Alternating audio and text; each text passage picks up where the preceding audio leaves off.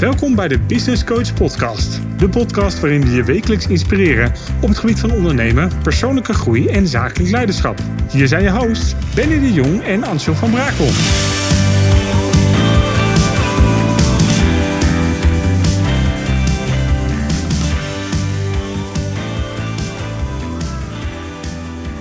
Leuk dat je luistert naar een nieuwe aflevering van de Business Coach Podcast. En vandaag gaan we in gesprek met spreker en coach Otto Wijnen. En Otto helpt bevlogen sprekers hun doelgroep te bereiken. En hij ontzaait zakelijke bijeenkomsten met zijn ludieke energizer, de fake speech. Otto is ook auteur van het boek Help, ik moet spreken. En in deze podcastaflevering deelt hij zijn gouden presentatietips. En simpel gezegd, die mag jij gewoon niet missen. Welkom Otto. Dankjewel. Superleuk dat je er bent. Wij hebben een uitgebreid voorgesprek gehad om ervoor te zorgen dat wij vandaag voor de luisteraars mega veel waardevolle inspiratie, tips, noem het allemaal maar op hebben. En misschien is het leuk als ik eerst aan de luisteraars eventjes uitleg waarom ik het zo tof vind dat jij vandaag de gast bent bij ons. En dat is eigenlijk omdat ik een aantal maanden geleden had ik een hele mooie klus als spreker op het Groeisummit. En uh, jij hebt mij daar uh, op die, die reis in het sprekersvak heb jij mij begeleid een aantal keer. Uh, waar ik heel erg veel aan gehad heb. Dus bij deze zeg ik dat ook nog eventjes tegen jou. En toen heb ik jou eigenlijk ook direct gevraagd of jij bereid was om dat te gasten te zijn hier in de podcast. Dus ja, nogmaals, dankjewel dat je er bent. En uh, ik kijk uh, onwijs uit om jou uh, eigenlijk de, de, het hemd van het lijst te mogen vragen. nou, ik deel mijn kennis graag. Als eerste, dat is een mo moeilijke keuze. Ik heb een heleboel vragen opgeschreven. Als eerste, waarom is het interessant voor ondernemers die nu luisteren? Die misschien denken, joh, hè, spreker, coach op dat gebied, dat is niet echt, echt mijn ding. Ik ben gewoon lekker ondernemer waarom is het nou eigenlijk interessant voor alle ondernemers om zich te verdiepen in de presentatietechnieken en in het sprekersvak? Omdat goed kunnen spreken, goed presenteren een geheim wapen is. Want als je dat kan, als je bewust bent van hoe je overkomt en vooral ook bewust bent hoe je beter over kunt komen of hoe jouw boodschap overkomt, dan kun je verbinden met mensen. En je weet allemaal, ondernemen, dat gaat over kennen, mogen en vertrouwen. En dat, dat vertrouwen, dat, dat kun je bijvoorbeeld doen door in je presentaties, in je verhalen, een stukje van je persoonlijkheid mee te geven. Een stukje van, je, nou, van wie je bent en waarom je doet wat je doet. Ehm, en dan komt dat, het mogen en het, uh, het vertrouwen, komt dan, uh, komt dan vanzelf mee. En daar komt dan, als het een beetje mee zit en je, en je doet je werk goed, komt er ook weer handel uit voort. Dus het is gewoon een, een, ja, het is echt een geheim wapen. Je kan nog zoveel marketing doen en online uh, adverteren voor, voor eh, honderden of duizenden euro's. Maar als je op het moment dat het erop aankomt en je moet met die klant in gesprek en, en je hebt geen besef van hoe je overkomt en je maakt alle, nou ja, je, je kruist alle verkeerde vakjes net aan, dan heb je al, die, al dat geld voor niks uitgegeven. Dus het valt of staat uiteindelijk allemaal met presentatievaardigheden, communicatievaardigheden. En zijn dat ook dingen die echt voor iedereen te leren zijn? Want ik kan me voorstellen dat iemand nu denkt: ja, maar ja, dat is gewoon niet echt mijn ding. Laat mij maar gewoon mijn vak doen. Dat, uh, ik ben daar niet zo van. Ja, nou, ik, ik heb heel lang geroepen: ja, natuurlijk, iedereen kan het leren. Het is, het is een feit dat het voor de een een langere weg is dan voor de ander. Dat is gewoon zo. Er zijn mensen die, die zijn. Hè, kijk je naar die verschillende persoonlijkheidstypen dan zijn er mensen die zijn vreselijk goed in de details en in programmeren en dat soort dingen. En dat zijn heel vaak niet de mensen die heel makkelijk uh, even de, de zaal voor zich winnen. Dus nee, voor de een is het echt makkelijker dan voor de andere en andersom. Blijft wel staan dat op het moment dat jij als minder ervaren spreker vastzit in het idee hoe een spreker moet zijn en dat je daaraan zou willen voldoen en dat je daardoor blokkeert en dat het daardoor niet overkomt. Ja, als je dat beeld los kunt laten en kunt accepteren dat jij allereerst bent zoals jij bent. En dat jij wel degelijk een verhaal te vertellen hebt. Eh, en dat dan vervolgens vertelt op een menselijke, persoonlijke manier. Dan kun je alsnog terwijl je ondertussen een aantal dingen die misschien volgens de presentatietechnieken dan weliswaar niet goed zouden zijn, uh, maar kun je toch slagen in verbinding maken. Ja, en is dat, is dat het gouden woord in dit stuk? Verbinding maken, ja. Ik wil presentaties zien als een gesprek tussen jou als spreker en de zaal en niet als een uitzending. Mhm. Want dat is geen verbinding. Nee, maar hoe creëer je dan die verbinding in dat stuk? Dat, dat, is, dat is het hele, de hele eieren eten van, van hoe je presentaties voorbereidt. Um, maar de essentie is wel misschien wat ik net al aangaf, dat beeld loslaten van daar moet een spreker aan voldoen. En eh, als ik maar mijn PowerPoint en mijn katheder en mijn microfoon heb, dan kan ik presenteren. Nou, als, je, als je bereid bent om dat los te laten, dan kom je al heel snel in de buurt van, van meer verbinding. Ja, omdat je dan eigenlijk op dat moment gewoon dichter bij jezelf blijft. Precies. En dat het daardoor natuurlijker oogt.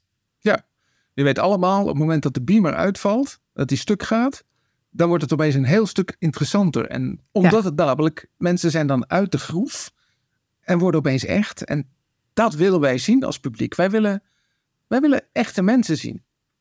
Ja, want zo'n presentatie, hè, wat jij vertelt net, van er zijn bepaalde dingen, daarvan vindt men dat het hoort, om het maar zo te zeggen. Is, is dat echt noodzakelijk? Dat je als je ergens spreekt of als je presentatie geeft, dat je altijd zo'n PowerPoint hebt? Alsjeblieft. nee, nee, uiteraard niet. Ehm, het is een hele goede basis en zo leer je spreken in het begin. hè, dat je, als je willekeurig welk onderwijs dan ook volgt, dan krijg je lessen. Dan krijg je te horen, het moet een kop, een uh, romp en een staart hebben. En in je kop moet je, je da de datum moet erop, op de bouw. Ja, ja, zeker. De datum. Welkom allemaal, welkom. oh, je welkom. En op het eind ook zijn er nog vragen. Ja. Nee, maar goed, bij de, we, we flauwekullen er nou mee. In de basis is daar niks mis mee. Ik bedoel, dat, dat is hoe je begint met presenteren. En dat is mhm. goed.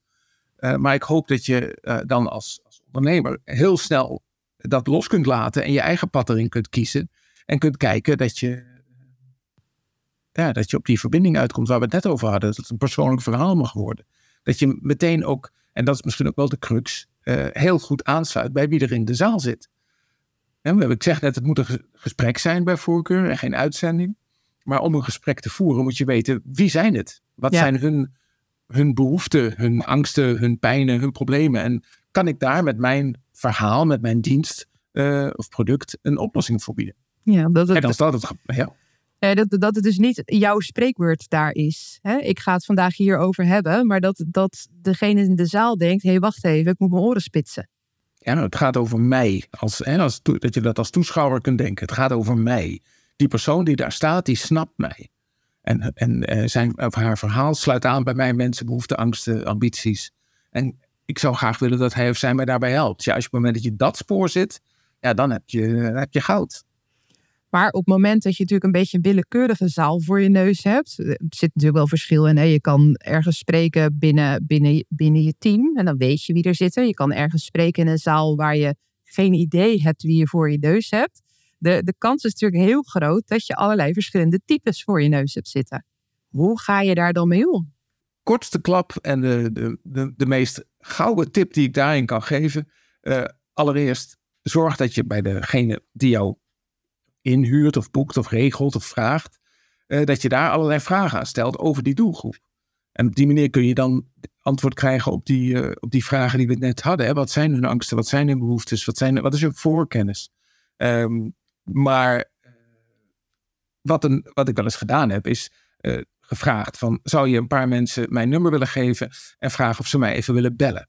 En dan heb je een één op één gesprek met, met iemand die straks bij jou in de zaal zit. En dan kan je echt op de man of vrouw afvragen. Uh, ik ga zo meteen praten over onderwerp X. Uh, mag ik eens vragen, wat zou je erover willen weten? Wat weet je er dan over? Uh, hoe kan ik aansluiten bij, jou, bij jouw behoeften? En dan krijg je een prachtig één op één input. Nou, als je dat van drie mensen weet en je zou daar staan en je zou zeggen: Goh, jongens, uh, ik heb toch van tevoren begrepen van Angel dat, dat het voor jullie zus of zo is. En dat is heel interessant, want de afgelopen jaren, nou enzovoort. Op het moment dat je dat kunt zeggen, dan snapt iedereen, hé hey, verroest, die persoon heeft zich echt verdiept in onze situatie. En eh, dan voelen ze zich acuut meer betrokken. Ja, wat jij hebt over uh, help, ik moet spreken. over, over dat thema heb jij letterlijk een boek geschreven. En dat heet ook Help, ik moet spreken. En uh, ja, daar is die. Voor de, jullie luisteren nu, maar uh, ik, ik heb het boek hier zelf ook liggen. En Otto die houdt hem ook eventjes omhoog. Een um, heel mooi uh, compact boek, waarin je eigenlijk stapsgewijs uitlegt wat de stappen zijn die jij vanuit jouw ervaring mensen aanraadt om te nemen. Dat scheelt, het scheelt een hoop. Het scheelt een hoop kopzorgen als je dit even doorneemt.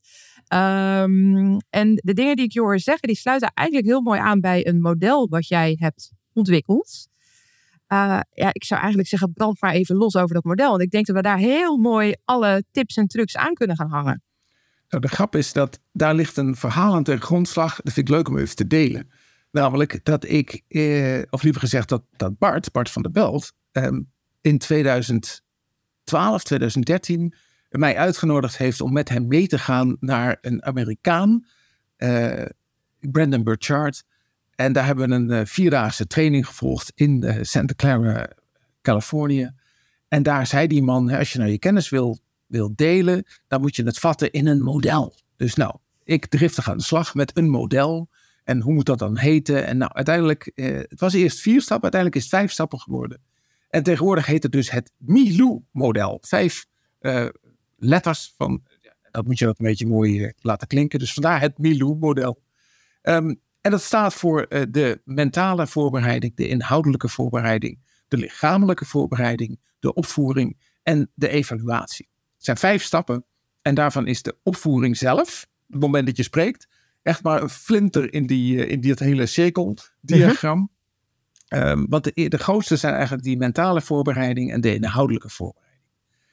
Mentale voorbereiding, om daarmee te beginnen, dat is verzamelen van gegevens. Waarom word je gevraagd? Maar ook bij jezelf te raden gaan. Waarom wil ik spreken? Wat is eigenlijk mijn hoogst haalbare doel van deze sessie? Wat, wat wil ik eruit halen? Maak dat ook zo meetbaar mogelijk voor jezelf. Maar vraag vooral door op de situatie. Uh, waar kom ik te spreken? Wie spreekt er voor mij? Uh, dus met andere woorden, in wat voor een uh, zaal krijg ik zo meteen voor mijn, uh, voor mijn neus. Hè? Nou, bij, bij, jouw situatie ook. Er zaten ook behoorlijke zwaargewichten uh, voor en na jou. Zeker, absoluut. En ik zat zelfs na de lunchpauze. En dat is ook wel een cruciaal dingetje om rekening mee te houden. Ja, dat zijn allemaal factoren. Als je dat niet van tevoren bedenkt, dan overvalt het je. En dan realiseer je achteraf, oh, als ik dat eerder geweten, dan had ik het anders aangepakt. Maar het is best wel lastig, denk ik, om daar dus op te, uh, mee bezig te zijn. Omdat het heel verleidelijk is om alleen maar gericht aan de slag te gaan met die uitvoering. Oh jee, ik moet mijn praatje doen. Hè? Ik. Maar um, jij zegt dus eigenlijk dat de, de voorbereiding, het stuk eromheen, dat, daar, uh, dat het daar eigenlijk al begint. Ja, ik heb hier een mooie poster hangen. Het is ongeveer een kwart tot een, tot een derde is die, die mentale voorbereiding. En daar zitten ook hele suffe uh, praktische zaken bij. En stel je voor, je moet spreken op de jaarbeurs. Dan moet je er rekening mee houden dat van P4 naar zaal, nou, ik weet niet precies hoe die zalen heten. Maar dan ben je zomaar eens 20 minuten tot een half uur ben je aan het lopen. En als je dan met klotsende oksels aankomt en dan moet je nog de techniek testen en, en gezenderd ja, worden. sta je 3-0 achter. Ja. Dan heb je paniek. Dan, dat, dat is een hele nare situatie. Dus check van tevoren, uh, wat is de reistijd? Hoe kan ik parkeren? Uh, nou ja, ik heb tegenwoordig steeds vaker dat ik een hotelletje boek. Dat ik al in de buurt ben, dat je die reisstress weghaalt. Uh, want je kan het maar één keer doen, hè? Ja, tackelen wat je kan tackelen vooraf eigenlijk. Ja, tot op het sufste niveau. Hè? Als je bijvoorbeeld als dame moet spreken, uh, realiseer je dan als je een, een, strakke jurk aantrekt, daar moet ergens misschien wel een zendertje aan. Waar, waar komt dat ding te hangen? Uh, ja, als je bijvoorbeeld opeens overvallen wordt omdat je een handheld krijgt, maar je hebt ook een klikker en je hebt ook spreekkaartjes, dan ben je aan het jongleren. Dat wil je ook niet. Dat, dat trekt je uit je spoor aan. Je wil alleen maar bezig zijn met verbinding maken met die zaal. Wie zit daar? Hoe reageer ze op mijn verhaal?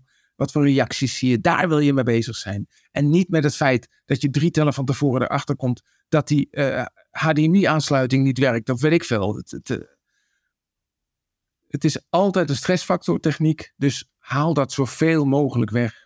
En dan goed, kom ook zo vroeg mogelijk op tijd aan natuurlijk. Minstens een uur van tevoren, maar alsjeblieft, geef jezelf daarin ook rust. Dat is, de dat is de mentale voorbereiding, inhoudelijke voorbereiding. Dan pas ga je kijken naar je boodschap. Wat willen ze weten? Wat is jouw hoofdboodschap? Um, en eigenlijk uh, begin je dan ook met post-its. Uh, laat die computer nog maar zo lang mogelijk uit. Uh, ga met post-its aan de slag. Bedenk welke vragen er kunnen zijn. Nou, er zijn een aantal andere manieren weer voor, maar dat laten we nu nog even achterwege, want anders wordt het een online training en dat was dan weer net even niet de bedoeling. Ik vind het leuk. Ik ben er voor. Ja, ja, dat je snap ik. Ja. Niet nou, oké. Okay. Eén, één klein, klein dingetje dan. Um, als je je essentie hebt bepaald, je hoofdboodschap, um, kijk dan hoe je je start kunt doen. Je start is natuurlijk belangrijk. Hè? Mensen beslissen in een aantal seconden of ze jou het vertrouwen waard vinden. Of ze jou, uh, voor jou de komende tijd niet op een schermpje gaan kijken, maar naar jou gaan luisteren. Precies. Dus die eerste seconden, die zijn heel belangrijk. Dus kijk of je daar meteen, ja, ik noem dat de schans, of je meteen op de schans kunt starten. Ja. Dus direct als een soort ski-schansspringer, uh, op snelheid in een bepaalde richting. En op het eind van de schans, dan is het... Ja, hoppakee, de aandacht. En dan moet er een behoefte gecreëerd zijn van, uh, wat, hoezo uh, is, is zoveel procent van de ondernemers binnen vijf jaar failliet? Um, of een ander, iets anders. Hè? Je kan beginnen met een bepaalde stelling.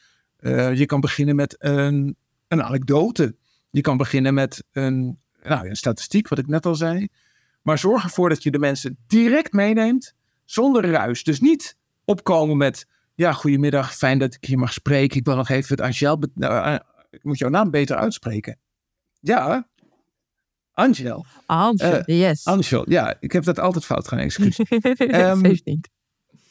Uh, bedankt, bedankt dat ik hier mag spreken. En ik wil ook nog even een applausje voor de mensen van de catering. Ja. Alsjeblieft, laat dat achterwege begin. Begin meteen, gestrekt been erin. Ja. Dus nou, dat is een van de dingen die je voorbereidt in de inhoudelijke voorbereiding. En denk nou over je storytelling. Probeer zoveel mogelijk persoonlijke anekdotes toe te voegen, zodat je verhaal levendig wordt. En je hebt vier archetypen toehoorders in de zaal. Hè, de denkers, de doeners, de dromers, de beslissers. Om ze alle vier aan boord te houden moet je variëren tussen je, je persoonlijke verhalen, je schilderen van de situatie, tot aan de details, de feiten, de, de, de inhoudelijke boodschap. Maar als ik dit al hoor, dan denk ik al zo, uh, dat is wel, dat is wel werk. Het dat, is ook werk. Dat is niet even, en nu weet ik dat ook uit eigen ervaring, maar hoeveel tijd staat er ongeveer gemiddeld qua voorbereiding voor, nou, laten we zeggen, een keynote van een minuut of dertig? Ja, sommige mensen zeggen een, uur per minuut. Dus praat je over 30 uur voorbereiding. En dat gaan we natuurlijk niet, niet ja, mensen die nou luisteren, die denken, ja, doei, dat ga ik nooit doen. Maar ons stiekem zit er al best wel wat voorbereiding in. Want een intakegesprek of een gesprek over de presentatie is ook al gauw weer een uur of langer. En, en je telt snel door. Maar vergis je niet, wat kan het je uh, opleveren? Die vraag moet je jezelf stellen. En wat kan het je kosten? Ik um, was laatst getuige van een presentatie van een, ik ga zijn naam echt niet noemen, maar van een invloedrijk man. Hij was uh, een belangrijke persoon bij een regionale bank. En hij stond op het podium met iemand die wel wist hoe hij een microfoon vast moet houden. En bij hem zakte de microfoon naar beneden toe, waardoor het zachter klonk dan de, de man die naast hem stond. Die had een, uh -huh. echt een alfa-stem daardoor. En zijn stem werd een heel iel stemmetje. Um, deze man die dook steeds verder op het podium terug naar achteren toe. Zodanig ver dat hij met zijn hemd tegen een touchscreen aanstond met een presentatie. En dat scherm begon alle kanten op te gaan. Um, deze man, die, die had echt afbreuk van zijn reputatie. Dit zag er niet uit. Dit was echt niet oké. Okay. En ja, dan, dan zou ik het liefst zo'n zo man willen benaderen en zeggen: Mag je alsjeblieft helpen? Maar dat werkt niet als je het zelf niet ziet of wilt.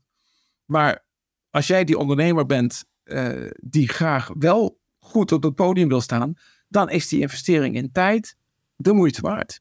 Ja, ik kan me ook voorstellen dat juist die voorbereiding, wat dan best even een dingetje is om daar natuurlijk tijd voor te maken, maar dat geeft natuurlijk ook onwijs veel zelfvertrouwen en inzichten. Hè, tussendoor een keer opnemen, heb ik jou regelmatig tegen mij horen zeggen, hè, van film jezelf, kijken terug. En nee, natuurlijk is dat niet dat je denkt, jeetje, hè, leuk. Er zit een beetje weerstand op. Maar ja, daar zit natuurlijk wel. Hè, als, je, als jij jezelf ziet en je ziet wat het doet en wat het brengt en, en wat je daar nog mist. En je gaat eraan sleutelen, beter vooraf eraan sleutelen dan op je, op je podium achteraf denken: Goh, ja. Hmm. Nou, je maakt het mooie bruggetje naar de L van lichamelijke voorbereiding. Want inderdaad, dat repeteren, dat is cruciaal. En dat doe je bij voorkeur staand. En bij voorkeur met een videoapparaat voor je En waarom dan staand? Ja, je presenteert ook staand. En zittend achter je bureau repeteren, dan klik je door je slides heen. Dat is de meest gemaakte, uh, nou ja, fout wil ik het niet noemen, maar het meest voorkomende gedrag.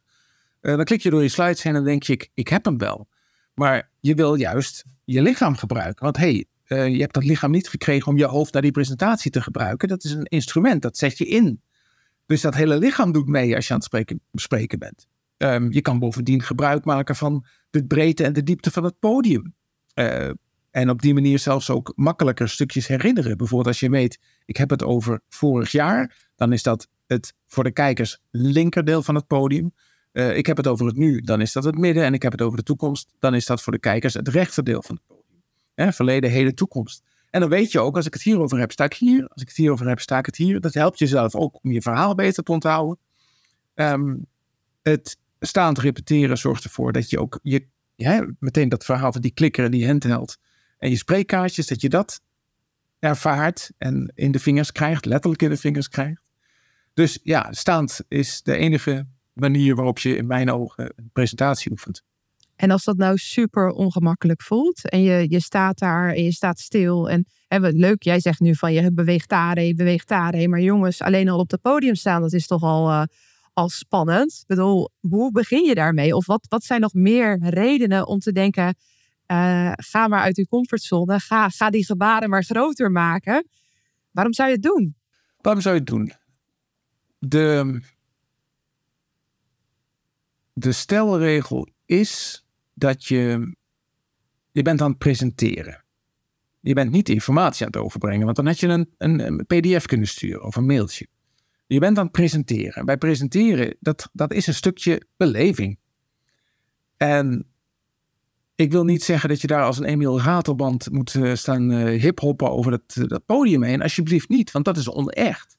Maar je mag wel een iets uitvergrote versie van jezelf zijn. Jezelf plus één of twee niveaus. Iets meer energie, iets meer schwung.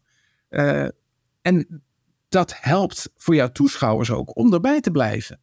Uh, het punt is, jouw toeschouwers die zitten en luisteren. En dat is per definitie passief. En op het moment dat wij mensen niet worden betrokken, of niet worden betrokken, zo moet ik het niet zeggen. Op het moment dat wij de kans krijgen, laat ik het zo zeggen, om achterover te leunen en onze hersenen in de vakantiemodus te zetten, dan doen we dat.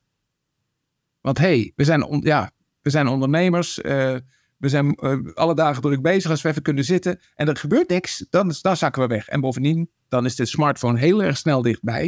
En dan gaan we toch even stiekem kijken wie er nou net geappt heeft. Uh -huh. Dus je wil mensen erbij houden. Je wil ze betrekken. Nou, dan zul je ze ook uh, de meest energieke versie van jezelf moeten bieden. En hoe bereid je dan daarop voor? Weet je, je kan het een paar keer gaan oefenen thuis en je kan er natuurlijk mee aan de slag gaan, maar dat, dat vraagt nog wel iets meer. Kijk, voor alles geldt natuurlijk, we hebben net over gehad, hoeveel is het je waard? Als het een zoveelste praatje is bij de BNI-meeting in de ochtend van 60 seconden, dan kun je je afvragen, ga ik daar tijd in steken om dat voor te bereiden? Zwaar. Maar als je de kans krijgt hè, om jou als voorbeeld te nemen op zo'n summit te spreken, en er zitten daar enkele honderden potentiële uh, klanten, potentiële relaties. Nou, dan zou ik er maar tijd insteken. En dan, ja, hoe, hoe doe je dat dan? Nou ja, ik sta letterlijk, als ik zelf sta te spreken, sta ik letterlijk van tevoren mezelf op te poppen, pompen. Ik, ik, ik, ik, zorg dat ik energie in mijn lijf heb. Ik rek en ik strek. Ik zorg dat mijn gezichtspieren, mijn mimiek, dat die werkt. Maar ook mijn, mijn, mijn kaak, mijn dat, dat draagt allemaal bij aan een iets hogere energie en een iets expressievere versie van, van mijzelf. Uh, dus dat hoop ik dat je dat als ondernemer dan ook bij het oefenen doet. En um, uh, trouwens, pro-tip. Als je nou zeker wilt weten dat je goed overkomt, zorg dat er een puber naar je kijkt. Oh ja, ja. Pubers zijn de meest kritische toehoorders. Ja, pap, nou hebben we het wel gehoord. Nou ja, goed. Als je die kunt boeien, dan weet je zeker dat je goed zit. Ja, en ik kan me ook voorstellen dat dus die hoofdruimte om dan inderdaad ook dat moment te nemen en dat je even de geluiden maakt en zorgt dat die kaak los is en even gewoon, nou ja, zorg dat je helemaal klaar bent om de meest energieke versie van jezelf te laten zien. Dat kan ook alleen maar als je aan de voorkant zorgt dat de rest allemaal getackeld is. Anders dan zijn dit natuurlijk de dingen die als eerste afvallen, omdat je al met klotsende oksels zit, gewoon van het feit dat je dat podium opgaat. Ja, absoluut. Absoluut, ja. Eens. Uh, ja, punt. hey, en, en, die volgende letter dan? Want we zijn bij de L. We zijn bij de L en dan gaan we naar de O van opvoering. Dat is natuurlijk het moment suprem. Um, de aanloop daar naartoe is zorgen dat je ontspannen bent. Dit je de avond van tevoren nog een heel vol programma hebt of nog aan het repeteren bent. Nee, lekker ontspannen juist. Uh, wel je kleren klaar hebben gelegd natuurlijk. Ontspannen daar naartoe, liefst ruim bij tijd, eventueel in een plekje, in een hotelletje van tevoren al. Ehm, en ja, daar uh, vervolgens lekker in het moment kunnen zijn. Dat, dat wens ik je toe. Dat je zodanig het gevoel hebt dat je je stof beheerst, dat je daar lekker kunt zijn. En lekker kunt praten met de mensen die uh, jou straks jouw publiek kunnen zijn. Maar ook echt kunt luisteren naar de sprekers die voor jou komen. Uh, zodat je ook kunt aansluiten bij hun verhaal. En vervolgens uh, van tevoren eventjes jezelf afzonderen. Even ademen, aarde. Even stilstaan bij het feit. Wat was ook weer mijn persoonlijke doelstelling? Waar we het helemaal begin over gehad hebben. Wat wilde ik ook alweer met dit verhaal? En heb ik, uh, ja, hoe, hoe zet ik alles nu in het werk om dat te bereiken? En dan vervolgens ga je dat podium op. En dan mag jij shinen. En wat vind jij nou, wat is nou goed advies wat betreft zo'n persoonlijke doelstelling? Dat je dat eigenlijk niet uh, je gevoel van slagen of je eigen waarde of je yes gevoel, dat je dat niet in de handen legt waar je er geen invloed op hebt. Hoe, hè, wat is een, een voorbeeld van een doel waar je, waar je jezelf eigenlijk een eerlijke kans geeft om het ook te halen? Ja, nou, de grap is, het, woord hierna is evaluatie. En ik haal bij mezelf uit mijn eigen evaluaties, haal ik mijn doelen voor de keren daarop. Uh, mijn eigen valkuil is bijvoorbeeld dat mijn ademhaling op een gegeven moment te hoog zit. Omdat ik te, te energiek, te, te snel aan het praten ben. Dus, nou, dus mijn persoonlijke doelstelling is, ik wil dat ik continu de controle heb over mijn ademhaling. Dat die er niet met mij vandoor gaat. Um, ik voeg, ik mag heel vaak hetzelfde verhaal vertellen, maar ik voeg altijd nieuwe elementen toe. En dan is dus mijn doelstelling ook, uh, ik wil dat, dat die ene grap, dat die echt goed overkomt. Uh, dus, en dan, nou, dan zorg ik ervoor dat, dat ik daar echt aandacht voor heb. Dus meetbare doelen halen uit, uit je evaluatie. Maar voor iemand die, die begint, zou het bijvoorbeeld kunnen zijn: ik wil dat ik op het eind van het verhaal uh, geen rare spanning in mijn buik heb.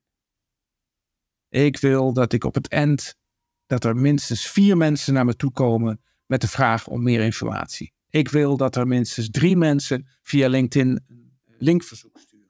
Het kunnen hele meetbare doelstellingen zijn op basis waarvan je jouw eh, presentatie kunt beoordelen. Ja, en als je die natuurlijk van de, uh, aan de voorkant heel duidelijk zet, dan kan je in je voorbereiding kan je daar ook heel mooi op aansturen. Wat jij aangeeft van bijvoorbeeld zo'n LinkedIn-verzoek, dan kan je natuurlijk een bepaalde call to action of iets anders uh, leuks integreren in je presentatie om dat te triggeren. Ja. Um, en dan hou je het inderdaad ook in eigen hand. Ja. Ja. Inderdaad, wat jij zegt. Uh, iets heel praktisch zou kunnen zijn. Ik wil dat minstens vijf mensen of tien mensen of honderd mensen mijn, uh, mijn formulier invullen. Mijn aanvraagformulier voor meer informatie of zo. Ja, als het echt een hele concrete sales doelstelling heeft. Maar het kan ook zijn, ik wil dat minstens uh, eh, 30% in de zaal zijn hand opsteekt bij die vraag. Ja. En heb jij voor evaluatie, welke onderdelen heb jij daar zelf allemaal voor? Heb je even? Jazeker. Uh. Want er zijn nou natuurlijk superveel dingen waar je ademhaling geef jij zojuist aan. Maar er zijn natuurlijk heel veel dingen. En voor de, voor de luisteraars, ik zie een heel mooi evaluatiewiel nu in mijn scherm. Uh, zichtbaar met allerlei onder, onderwerpen. Want er is natuurlijk veel meer dan uh, een, een, bepaalde aanvraag of, of een ademhaling waar je naar ja. kan, uh, kan kijken. Nou ja, ieders evaluatie kan, iedereen kan natuurlijk zijn eigen evaluatiepunten bedenken of, of aanvoeren. Ik heb op een gegeven moment heb ik uh, een verdeling gemaakt in vier vlakken: inhoudelijk, technisch, hoorbaar en zichtbaar. Mhm. En ja, een paar voorbeelden zijn bijvoorbeeld: hoe was de interactie? En dan kan je jezelf een beoordeling geven van 0 tot 10. Um, hoe was de, storytelling? Ging dat zoals ik had gepland? Bij technisch, hoe was de verstaanbaarheid? Hoe waren mijn slides? De, was ik daar tevreden over? Kreeg ik daar positieve reacties op? Bij hoorbaar kun je het hebben over je, uh, je klank, je volume.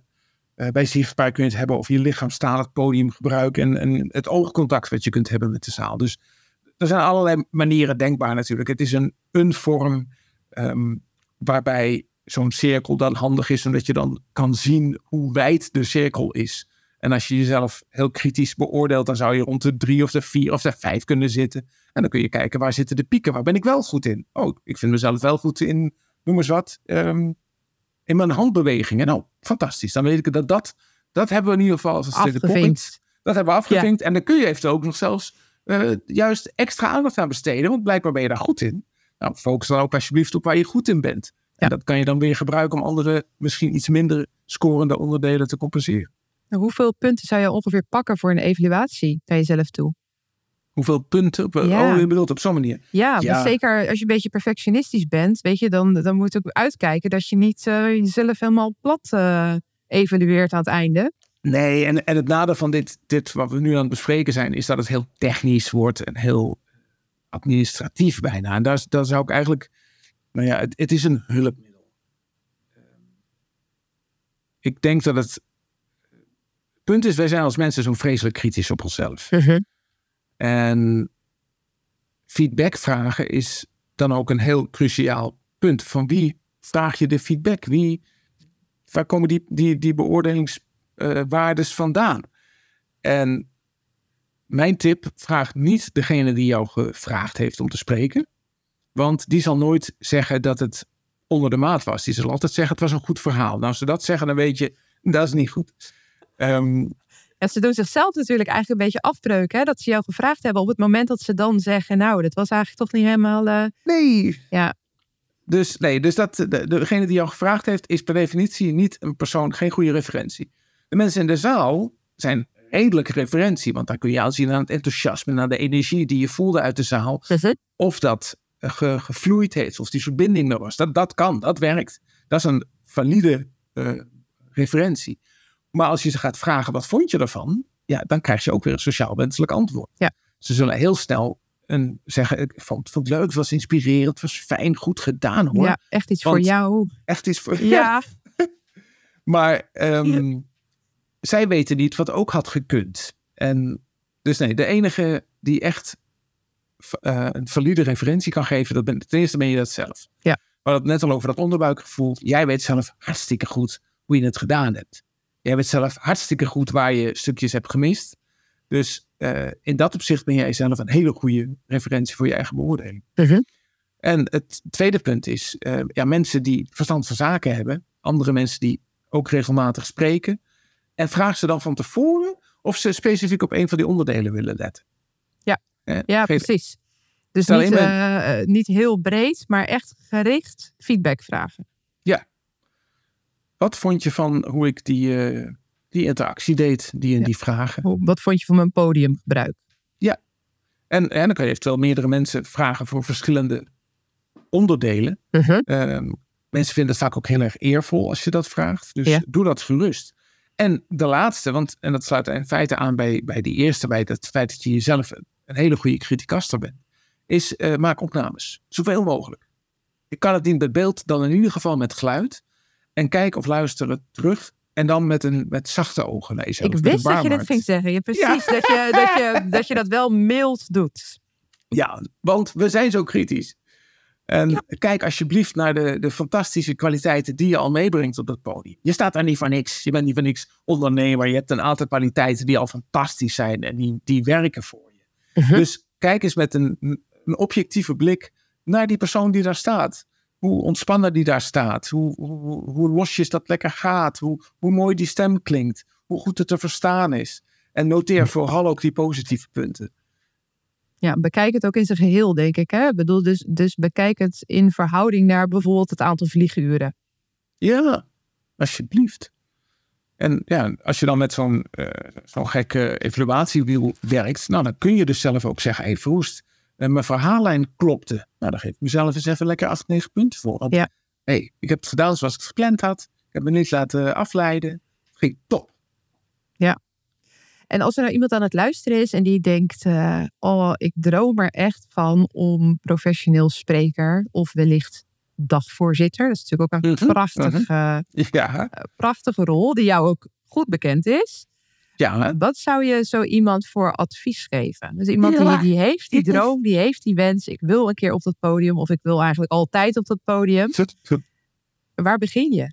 Ja, in ieder geval vlieguren. Dat is natuurlijk een open deur, maar pak zoveel mogelijk kansen om op dat podium te staan en doe ervaring op. Echt gauw op je snuit. Ehm, mijn, eh, mijn spreken begon als, als notabene als 14-jarige. Ehm, mijn mentrice en mijn leraar Engels die besloten te trouwen. En die vonden mij als leerling wel geschikt om de, de leerlingen van de school te vertegenwoordigen. Dus ik mocht als 14-jarig mannetje in de kerk eh, de gemeente toespreken. Dus toen kreeg ik les van de directeur van de school, Wouter. En eh, nou, die, die, ja, je moet articuleren. En het is een kerk, dus je moet langzaam praten. En zo begon mijn, mijn, mijn carrière als spreker. En eh, na de hand heb ik heel veel eh, kindertheater gespeeld. Kindertheater is een fantastische proeftuin om te spreken, want kinderen kiezen met de voeten. Ja. Dus je leert heel erg te luisteren en te kijken van, hé, hey, wacht even, ik ben daarachter, ben ik ze kwijt, daar gebeurt iets. Ja, hele eerlijke feedback. Heel, ja, oh. ja, en zeker ook omdat je vaak in de open lucht speelt met heel veel afleiding. Dus nou, dan leer je om, om daarop in te spelen en om dan toch ook zo'n groep zoveel mogelijk erbij te houden.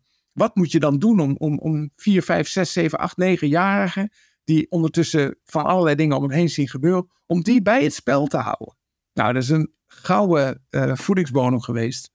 Ik ben daarna typetjes gaan doen. Ik ben daarna als typetje op het podium terechtgekomen. En dat was de allereerste fake speech in 2000. Ik wilde er echt net over. Ik hoor je dit zeggen en ik dacht, daar moeten we het echt nog eventjes over hebben, over die fake speech. Maar ga vooral door, daar haken we zo op in. Ja. Ehm, nou ja, goed. En, en daardoor ben ik dus, eh, heb ik de kans gekregen om heel veel keer op het podium te staan. En als ik nu naar mezelf terugkijk van, van de eerste jaar, dan denk ik ook, oh jongen. Was, was het echt zo? Ja, het was echt zo. Maar goed, je, je groeit, je groeit, je groeit. En eh, op een gegeven moment ben ik dus, mede ook dankzij Bart, op het pad gekomen om presentatietrainer te worden, presentatiecoach, daar opleidingen voor gevolgd. En op die manier het, eh, het vak aan anderen te leren. Er is geen antwoord op de vraag, hoe moet iemand dat doen? Maar het, het antwoord is, doe, grijp alles aan wat je kunt om op het podium te komen staan. Doe ervaring op. eh, en verzilver die ervaring door te werken met concrete doelstellingen en met concrete evaluatiedoelen. Maar is het pak elke kans aan of is het creëer zelf ook kansen? Oh ja, ja als je in de gelegenheid bent.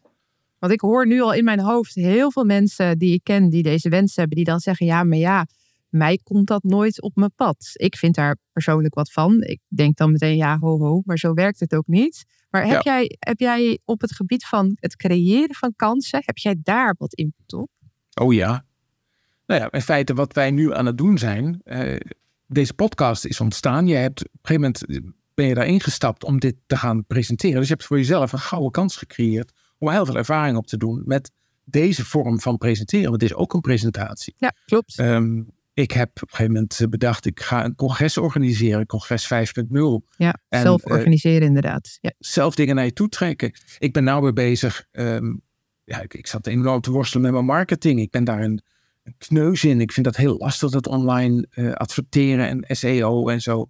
En toen dacht ik, hé, hey, wat is mijn vorm? Gewoon ja, simpele vlogjes. Dus ik pak tegenwoordig elke week mijn telefoon een keer. En letterlijk niet meer dan, hallo, ik sta hier en hier en ik heb dit en dit gezien. En doe er je Mhm. voordeel mee met deze ervaring, met deze tip.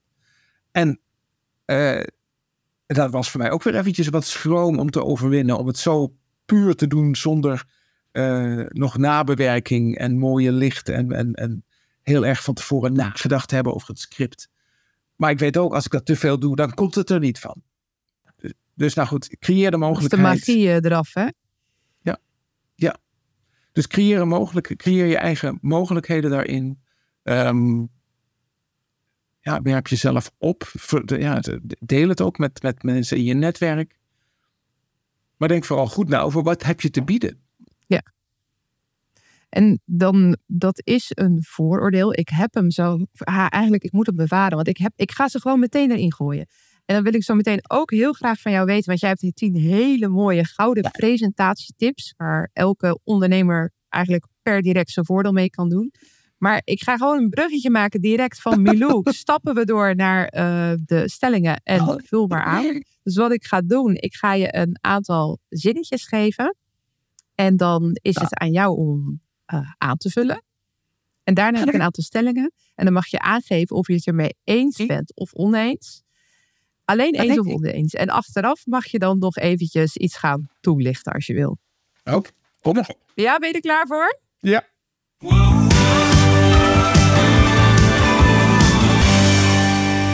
Stellingen en vul maar aan. De allereerste is: Ondernemen is voor mij.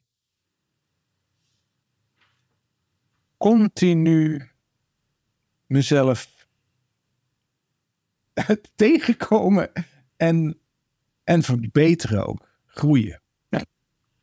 Een ideale dag.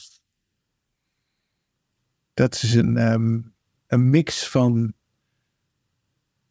eh, allereerst met mijn gezinnetje de, de, de dag starten en het, eh, de, twee jonge dames eh, de wereld insturen. En dan, eh, nou, laten we eens dan eens beginnen met een online coaching. Uur met een, met een leuke, uitdagende spreker of spreekster. En dan eh, kleertjes aan. En dan op weg naar een optreden van een, voor een goede fake speech of een dagvoorzitterschap. En dan onderweg in de auto nog een paar leuke gesprekken hebben en een paar leuke aanvragen. En even misschien meedenken over een toekomstig evenement van iemand. En dan na afloop natuurlijk stuiterend in de auto terug naar huis, want het, want het, want het was weer leuk. Oh, en tussendoor ook nog een factuur sturen, vind ik ook wel heel fijn. Zeker, hoort er ook bij. Ja, Je kunt mij wakker maken voor. Nou, als je nu zou zeggen, Otto, ik heb morgen een, of, of, eh, ja, ik heb morgen een klus in, eh, nou, waar dan ook, mag mag in Nederland zijn, mag in het buitenland zijn. En ik zoek daar nog een hele goede moderator voor. Of ik wil er een hele leuke bijdrage, een hele leuke energizer hebben. Kun je? Ja, dan spring ik wel mijn bed uit. Dat vind ik, juist ook die last minute dingen. We hebben een paar keer mogen doen. Dat vind ik wel heel gaaf. En wat? Het liefst een groot publiek. Ja, Eh, precies. Ik vind internationaal ook echt wel een uitdaging. Want dat is toch iets, ja, iets meer, iets moeilijker. Niet iedereen kan het. En ik vind het wel heel erg, heel erg gaaf. Mij niet bellen. Mij niet bellen voor een, het afsluiten van een congres. Wat verder niet interactief is. En waarbij de doelstelling niet duidelijk was. Wat gewoon qua organisatie niet goed in elkaar zat. En dat ik dan op het eind van de dag een, een, een zaal heb die kapot stuk moe is. En die overal op zitten te wachten, maar niet op een, op een energizer. Want hé, hey, dat is echt op dat moment een vlag op de modderschuit. Nee, alsjeblieft, denk. de- de- de- dat, dat, is, dat is geen leuk werk. Jij wilt geen rommel ruimen. Ik deed precies geen rommelruim. Het- Ik ben geen. Ik kan niet een slecht congres goed maken met mijn bijdrage. Dan had ik eerder in het proces betrokken willen zijn. Dan had ik mee willen denken over het, het, het, het meeting design. En kijken hoe we dan. oh Ja, en ik heb wel eens gehad dat, ik, dat mensen mij vroegen voor een bijdrage. En dat ik uiteindelijk heb geadviseerd om mij inderdaad niet te boeken. Maar te zorgen dat bijvoorbeeld er meer pauzes in kwamen. En dat sprekers getraind werden en dat soort dingen. Maar, maar ja, soms dan, dan, dan, ja, dan voelt mijn bijdrage is dan niet wat de dag goed kan maken. Ja, het is eigenlijk ook weer dat voorbereidingsstuk, hè? Maar dan vanuit de organisatie, waar dan te weinig eh, echte aandacht is voor waarom doen we dit, voor wie doen we dit, eh, noem het allemaal maar op. Ja. ja, te veel congressen zijn kopieën van vorig jaar. Er wordt een team opgezet wat de opdracht krijgt om het te organiseren. En wat ze doen is, ze pakken de schabloon van vorige keer. Ja, Ik heb wel eens, ik heb wel eens gehad van, wat, wat, zijn nou eigenlijk, wat is nou eigenlijk de doelstelling? Ja, dat is dan niet bekend. En dan Nee. echt eh, eindeloos op doorgevraagd. Maar wat is de doelstelling? Wat, wat moet, moet dan uiteindelijk het meetbare resultaat zijn? En dat het dan, dan niet bekend is. En dan gaat er wel veel geld in, en ja veel tijd in gestoken. tijd. Ja, Dus nou goed, dat is, eh, daar, daar is een, een wereld te winnen. En dat vind ik ook echt serieus echt heel erg leuk om over na te denken. Hoe kun je nou een, het moment waarop een heleboel mensen bij elkaar komen. Ze komen van heinde en verre, al dan niet online. Kiezen ze voor om hun tijd en aandacht aan die dag, aan dat onderwerp, aan die, die organisatie of club of verband te, te, te geven. Hoe kun je dat nou zo, zo inrichten dat iedereen naar huis gaat met het gevoel: ik heb mijn tijd echt super besteed. Dit was Ja. voor mij heel waardevol. En dat kan. Maar dat gebeurt heel vaak niet. nee. Dus in de, in de aanloop mogen ze je vooral bellen. Maar op het moment dat ze er een enorme rommel van hebben gemaakt, ga jij de rommel niet meer opruimen. Liever niet. ik snap Nee. het. Spreken is. Kieken. En een fantastisch marketingmiddel.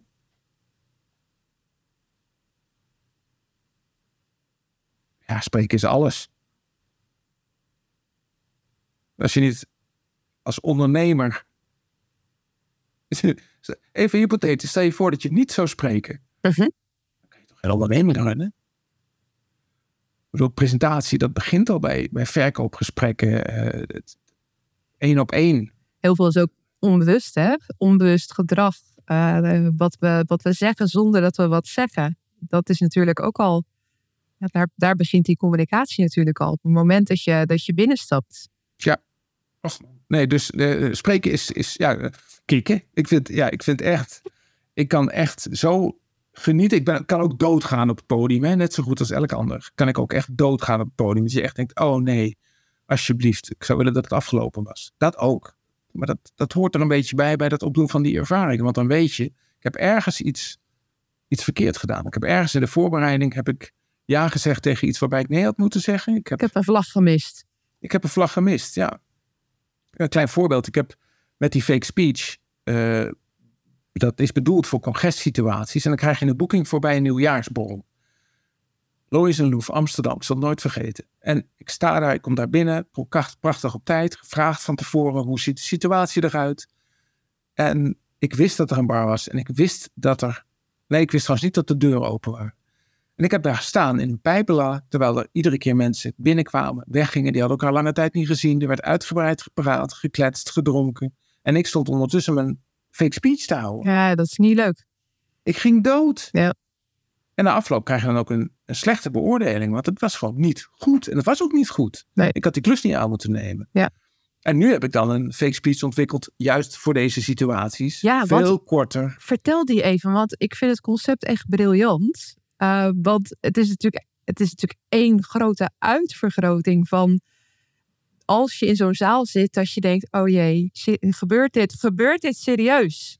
Ja, nou goed, de, de, fake speech, de basis is inderdaad al het slechte van, wat je wel eens ziet bij andere sprekers en dat wat uitvergroot. Dus ik open en ik heb een, de verkeerde, eigenlijk een PowerPoint presentatie die voor een andere doelgroep bedoeld was. Ik sta met mijn rug naar de zaal. Uh, de, de beamer gaat klapperen. Hij springt naar het blauwe scherm met HDMI zoeken. Uh, paniek, ellende. Nou ja, goed. Um, dan volgt er een een of ander gemaakt grapje waarbij de zaal zoiets heeft van, ah, oké. Maar gelukkig gaat het dan gaandeweg, komt er een bepaalde uh, in, waardoor steeds meer mensen in de gaten krijgen van, oh, wacht even, dit, nee, dit is niet echt. Hij is niet echt een onderzoeker op ons vakgebied met een rapport. En steeds meer interactie, steeds meer humor, steeds meer mensen lachen. En uiteindelijk ja, is er dan zo'n sfeer dat ik elke doelgroep meekrijg in een uh, slotlied. En dan gaan de handjes de lucht in. En dan letterlijk actief. dus. Dan gaan dan letterlijk de handjes ja. de lucht in. Ja. Dus dat is zo leuk om te mogen doen. En eh, ik had een keer bij de Field dat ze, dat ze ook zeiden van... joh, we hebben recentelijk hadden we iemand anders die ook ons aan het zingen wilde hebben. En dat was in een comment. En bij jou lukte het wel. Waar, waar, waardoor komt dat?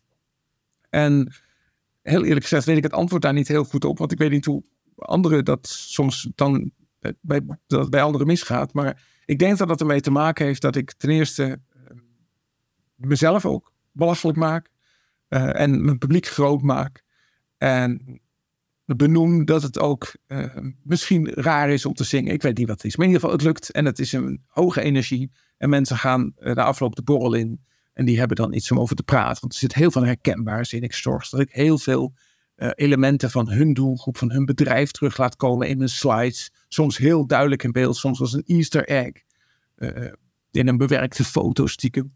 Dus nou, dat is de fake speech in de basis. En die korte versie is nu geworden dat ik de nieuwe change manager ben van het bedrijf. Oh ja, precies. En dat we het even kort over verandering gaan hebben. Oei. Zonder dat lied, want daar staat de tijd niet voor om die, die veiligheid te creëren.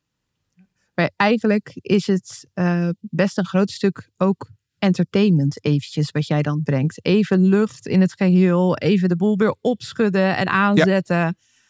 Even lachen met elkaar.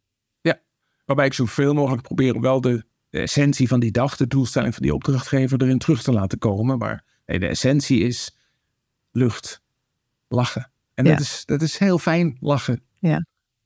ja, absoluut. Ik heb een aantal stellingen voor jou. Uh, de eerste die gaat over het uh, dagvoorzitterschap. Een goede dagvoorzitter is niet automatisch een goede spreker en andersom. Eens of oneens? Eens, 100 procent. Dan ga ik gauw ja. de volgende doen voordat je hem gaat toelichten. Uh, ik heb het nog nooit gedaan, dus ik denk dat ik het wel kan. Dat is een prima voorbereiding op het moment dat je gaat presenteren. Gewoon eens. En dit is eigenlijk het haakje wat ik net maakte. Want ik heb een aantal minuten geleden gezegd van... oeh, deze heb ik bij de stellingen staan. Laten we daar naartoe gaan. Nou, hier komt hij. Je moet een uitzonderlijke uh, prestatie hebben gedaan of minimaal een boek hebben geschreven om spreker te kunnen worden? Oneens. Spreekangst kun je overwinnen. Eens. Kennis van je doelgroep is belangrijker dan kennis van je vakgebied. Ja, eens. Dat is mijn stelling. Heb je er eentje, of misschien twee, die je nog wat wil toelichten? Ja, dat van die dagvoorzitter natuurlijk. De... Wat is, even voor de luisteraar, wat is een goede dagvoorzitter in jouw optiek? Iemand die het proces faciliteert, waarbij de sprekers, de, essentie van de sprekers en boodschap goed bij het publiek komt, maar ook vooral de, de, de reactie van het publiek goed gemodereerd wordt naar de sprekers toe. En wat je vaak ziet is dat er heel veel dagvoorzitters met een heleboel ego op het podium staan. Uh, ik ben een fel tegenstander van BN'er als dagvoorzitter te vragen. Want die brengen ego mee. En dat zijn per definitie niet de mensen die, die heel goed in staat zijn om, om uit te vragen en te luisteren, te kijken en het proces te bewaken. Uitzonderingen daar gelaten. Ja, maar ja. Die, dus, ja. dus alsjeblieft, als je een BN'er wil, zet die dan als spreker in.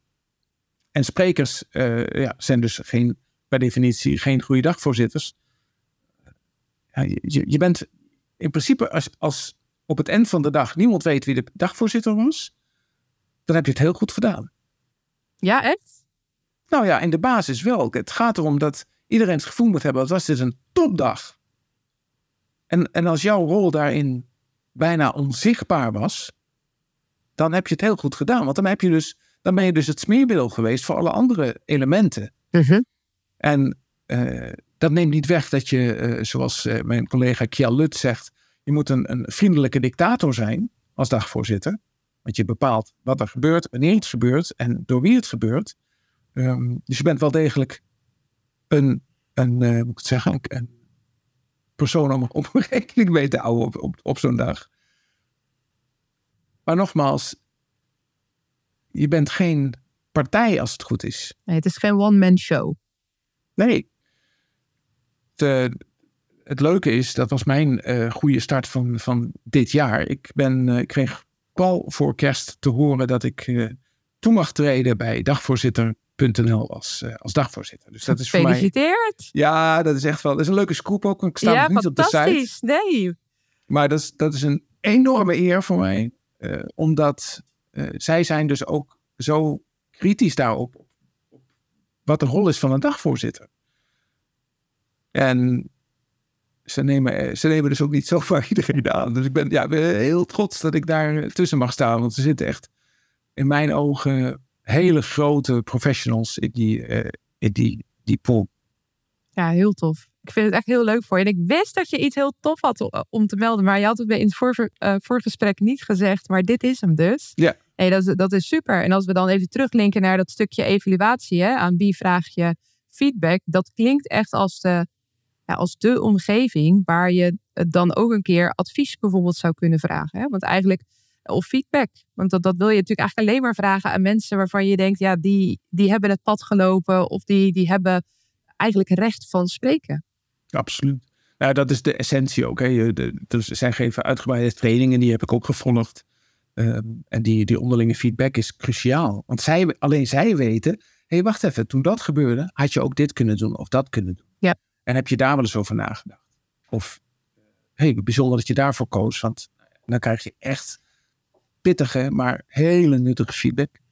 Is dat dan eigenlijk ook een, een conclusie die we kunnen trekken? Dat op het moment dat jij een goede dagvoorzitter wilt worden of je wil een goede spreker worden, dat je dus de bereidheid moet hebben om daarin jezelf kwetsbaar op te stellen, open te stellen en, en dat stuk eigenlijk een beetje met jezelf aan te gaan?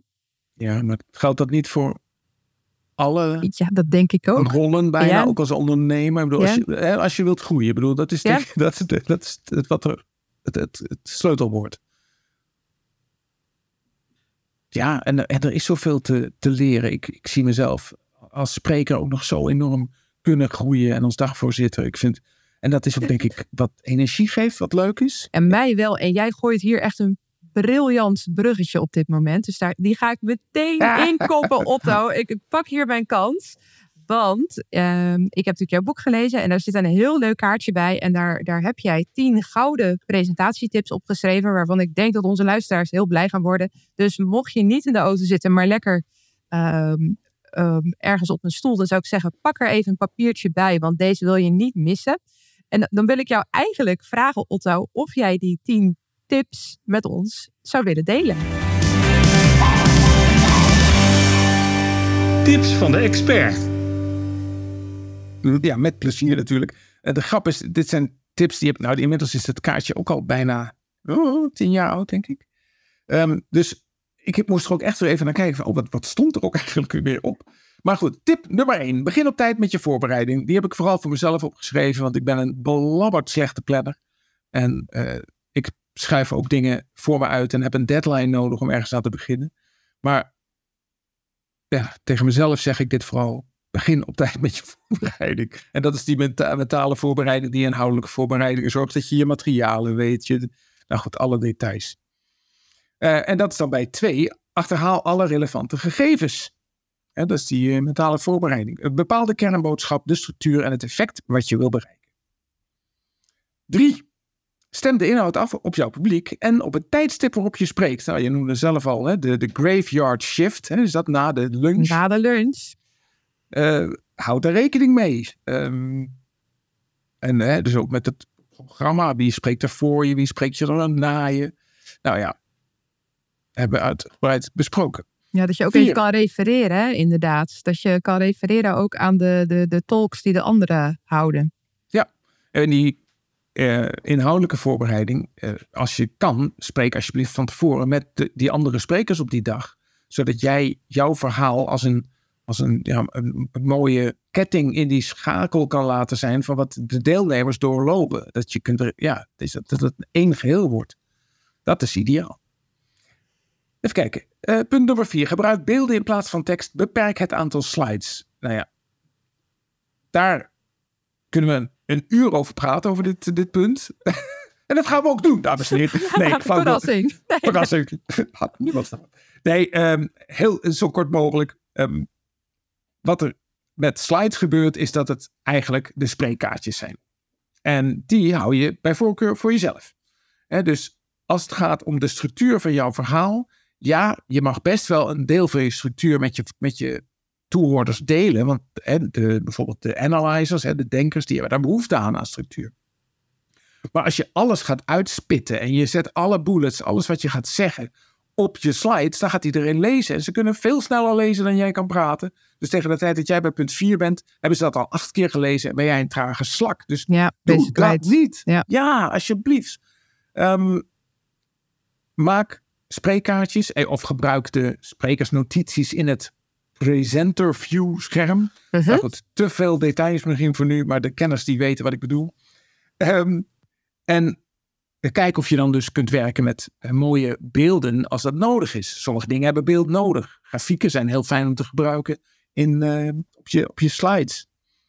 Ehm pro tip, pak je smartphone erbij en maak eens af en toe foto's van je werksituaties. Die kun je dan gebruiken in je slides in plaats van saaie stokfoto's. Beperk het aantal slides. Ja, grappig genoeg ben ik het daar nou niet meer zo mee eens. Want het gaat namelijk niet om het aantal slides, maar hoe lang ze staan. En wat ja, mij een betreft... half, half uur naar één slide kijken, dat schiet natuurlijk ook niet op. Nee. Nee. Eh, ik zie heel vaak slides waarvan ik denk, ah, dat hadden vier slides mogen zijn. Ja. Dus trek ze dan liever eerder uit elkaar, dat je meer slides hebt met meer wisseling, dan eh, dat je te weinig eh, slides hebt die lang staan. Ja. Ehm, en kijk ook of je af en toe een keer de slides eh, zwart kunt vullen. Of gebruik het knopje op je remote dat de beamer even op zwart gaat. Want die slides, dat is in principe alleen maar om een verhaal te verduidelijken. Het trekt ook wel heel erg aandacht. Hè? Je wilt natuurlijk ook niet dat, je, dat, dat er iets meer aandacht krijgt dan dat jij krijgt Ja. op dat moment. Ja, Ja, mijn collega Remco Klaassen die zegt ook altijd: eh, sta nooit op een podium met iets wat meer licht geeft dan jezelf. Dus, precies. en dat is een hele goeie. Ja. Dus kijk, kijk of je het kunt eh, beperken. En doordat je werkt vanuit je post-its, kom je als het goed is tot de vraag van: oké, tot, tot, tot de situatie waarin je bedenkt: hé, hey, wacht even, dat kan ik beter uitleggen met een graphic. Ja. En dat is het moment waarop je die beamer er even bij. ja, precies. Maar dan werk je dus inderdaad andersom. In plaats van vanuit een soort PowerPoint als een ik lees Ja. ervan mee als houvast voor jezelf. Maar echt ondersteun wat er ondersteuning nodig heeft. Maar Ja. niet je eigen hoofd. En dan zijn er misschien mensen die zeggen: ja, maar ik wil ook een handout meegeven en Oh, dan ja. die slides handig. Eh, ja, er zijn in de basis drie producten eh, komen ervoor dat jouw presentatie. Je spreekkaartjes, dat is het ene fysieke product. Mhm. Je slides, dat zijn er misschien maar vijf, of drie, of twee, of één, of twintig. Maar... En de handout, dat is een apart document. Die ga je gewoon apart produceren. En Ja. ja, dat is veel werk. Maar als je zo nodig een handout wil, zorg dan dat het ook echt iets is waar mensen wat aan hebben. En niet wat na afloop direct in de eh, ronde archief verdwijnt. Ja. Dat was nog maar punt vier. Zullen we gauw doorgaan? Ja, eh, kom maar op. Kom maar op. Vijf hebben we al genoemd. Oefen voor publiek, maak videoopnames en kijk ze terug. Klok je presentatie en hou 20% van de tijd vrij voor interactie. Nou, spreekt voor zich. Zes, rust goed uit. Plan je reis en trek kleren aan waarin je je top voelt. Ook belangrijk. Zeven, check geluid, beeld en zaalopstelling. Verander het eventueel. Oh, die laatste, dat is echt, dat, daar ben ik zo'n... eh, Kan ik dat? ik vind voor wel Mhm. te vaak is de zaal ingedeeld omdat toevallig de mensen van de horeca dat zo bedacht hebben. Maar als jij daar spreekt, is het jouw huiskamer. Jij hebt jouw doel te bereiken. En als die zaalopstelling daar niet aan bijdraagt, dan verander je het. Ehm, klein voorbeeld. De meeste zalen die ik aantref, die staan in rechte eh, lijnen parallel aan het podium. En het gevolg daarvan is dat ik als toeschouwer een eenzijdige communicatie heb met het podium. Op het moment dat je die dingen in een visgraat gaat zetten, of liever nog in een halve cirkel, dan heb ik opeens een soort kampvuursituatie, een soort Ja. groepsgesprek. Veel zachter hè? en dan zo recht tegenover elkaar. En ik zie de reactie van de mensen aan de overkant van eh, de, cirkel. En eh, je gaat op elkaar reageren. En de spreker wordt dan een, een, een onderdeel van dat gesprek wat ik eigenlijk heb met de andere toehoorders. Dus het wordt veel, veel meer communicatief, veel meer verbindend. Dus alsjeblieft, regel het zodanig dat jij je lekker voelt dat het jouw huiskamer is. Punt 8.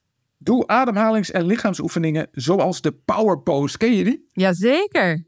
Amy, eh, Amy Ik, ik, ja, ik, ik heb nu mijn handen in mijn zij, een soort uh, superwoman uh, pose. Dat is er één inderdaad. Ja, die ken ik inderdaad ook. De armen zeg maar in een V omhoog. Ja. Uh, ja, ik ken ze. En ze ja. werken echt fantastisch. Ja, Amy Cuddy zegt daarover hè, dat normaal gesproken mensen met veel testosteron en weinig stresshormoon, die, dat, dat zijn de alfa mensen. En nou blijkt dus dat als je die alfa-houdingen aanneemt, die alfa-mensen aannemen, zoals de handen in de zij, de benen op het bureau, de armen omhoog, dat dan je lichaam die hormonen aanmaakt. En ja, daar word je dus stress, minder stresser, gestrest van. Je voelt je zelfverzekerder. Je, je staat aan. Dus ja, dat wens ik je toe. 9. Spreek met echtheid, emotie en energie. Maak verbinding met je publiek. Um, ja, wees dus een, een iets uitvergrote versie van jezelf, maar blijf wel bij jezelf. Ik ben zelf nogal een stuiterbal, ik ben zelf een hoge energie, vandaar dat ik ook die fake speech doe. Maar als je nou zelf die rustige, uh, hè, de, wat meer bedeesde persoon bent, ingetogen, dat is een mooi woord. Prima. Wees dan die ingetogen uh, persoon, maar dan net eventjes één of twee tandjes uitvergroot. Ja, dat is misschien ook wel voor mensen een fijn idee om te weten dat het dus inderdaad niet zo is. En dan heb je aan het begin van ons gesprek ook gezegd dat je dus alleen als je op die manier het doet, dat je dan die spreker kan zijn of dan die dagvoorzitter kan zijn. Maar vooral inderdaad te werken vanuit waar je heel goed in bent en daar net een tandje op te leggen. Of, ja. of waar je nog wat kansen hebt, daar net even te zeggen, klein beetje dit, klein beetje dat. Maar maar niet een, een andere versie te worden uh, dan, dan wie jij bent. Nee, nee.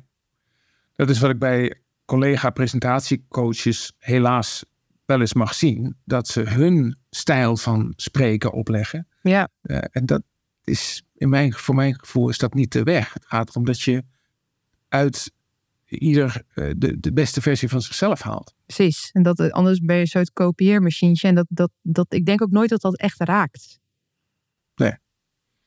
Nummer 10, hè?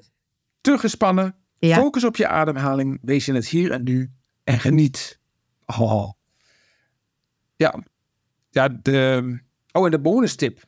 Evalueer en noteer drie verbeterpunten voor je volgende presentatie. Daar hebben we het over gehad. Ja.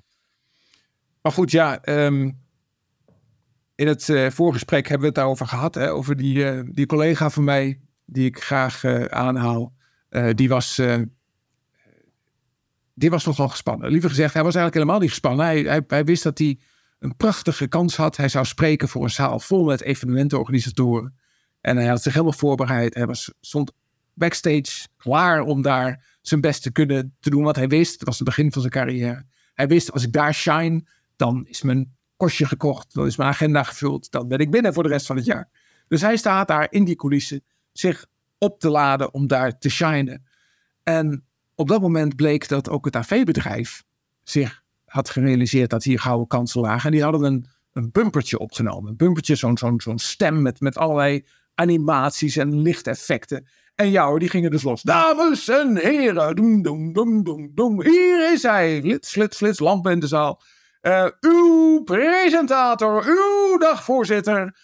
Ik zal zijn naam even niet doen. En, en hij loopt dat podium op en hij krijgt al die lampen in zijn gezicht. En hij bevriest. En hij heeft een volledige blackout. En hij denkt, oh kak. Oh kak. Ik kon alleen maar denken, oh kak. Wat erg. Het was, ja, dan ga je dood. Dan ga je gewoon dood. Dan weet je echt, oh ja, hij, hij was helemaal, helemaal de weg bij. En hij, hij heeft die lamp in zijn gezicht, dus hij draait zijn hoofd naar beneden toe. En hij ziet de punten van zijn gepoeste schoenen. En hij zegt, oh ja, mijn schoenen. Oh ja. Oh ja, mijn voeten. Verbinding. Verbinding met de aarde. Hmm. Oh ja, ademhalen. Oh ja, even ademhalen. Even die ademhaling omlaag beginnen. Oh god, het duurt veel te lang. Het duurt veel te lang. Maar goed, ademhalen. Oké. Even kijken, waar ga ik ook weer naartoe? Oh ja, ik moet de brug maken en dat en dat. Focus.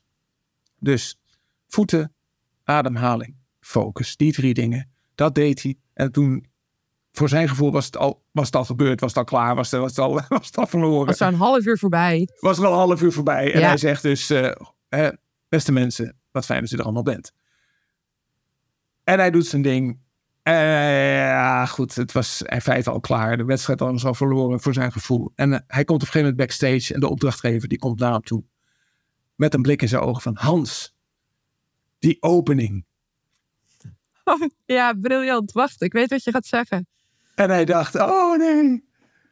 En hij zegt inderdaad, hoe jij die aandacht Ja, naar je ja, ja. toe wist te trekken. Fantastisch. Nou ja, goed. Waar je uit mag concluderen, A, dat wat jij ervaart, ervaart de zaal niet. En B, eh, voeten, ademhaling, focus, dat helpt je om door de ergste blackout heen te komen. Dus wees in het hier en nu en geniet vooral, want het is zo gaaf om te spreken. Spreken is kicken.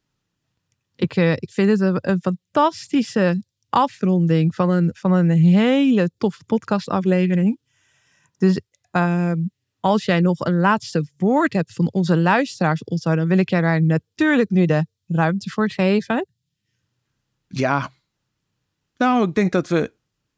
ehm, in, we, we leven in een hele gekke tijd. En dat is natuurlijk een open deur. Maar ik maak me echt wel een beetje zorgen over deze wereld. En Mhm. ik denk dat. eh, omdat het zo'n rare tijd is. dat het fijn is als je als, als ondernemer. ben je al gauw leidinggevende. dat het fijn is om. Om duidelijk te zijn in je communicatie. Om, om echt leiding te geven. om echt sturing te geven. En daar is in mijn ogen. spelen presentatievaardigheden echt een rol. Dus eh, wees die leider, pak dat podium. Juist ook als vrouw. Ik denk dat we veel meer vrouwen het podium moeten zien, want het is nog steeds een mannenbolwerk. Ehm, dus pak dat podium en, en ja, vul die, die, die rol die je hebt als ondernemer, als leider en als spreker. Otto, dankjewel voor jouw tijd en voor jouw fantastische tips. En ik, eh, ik hoop jou heel graag nog een keer te mogen verwelkomen hier bij ons in de podcast. Prima. Jij bedankt. Yes, en dat was hem alweer. De aflevering met Otto Wijnen. En vond je dit nou een toffe aflevering? Dan zou ik zeggen, deel hem vooral in je netwerk. Like hem. Abonneer je op ons podcastkanaal. En wil je meer weten over Otto? Ga dan naar www.ottowijnen.nl. Dankjewel voor het luisteren en heel graag tot de volgende keer.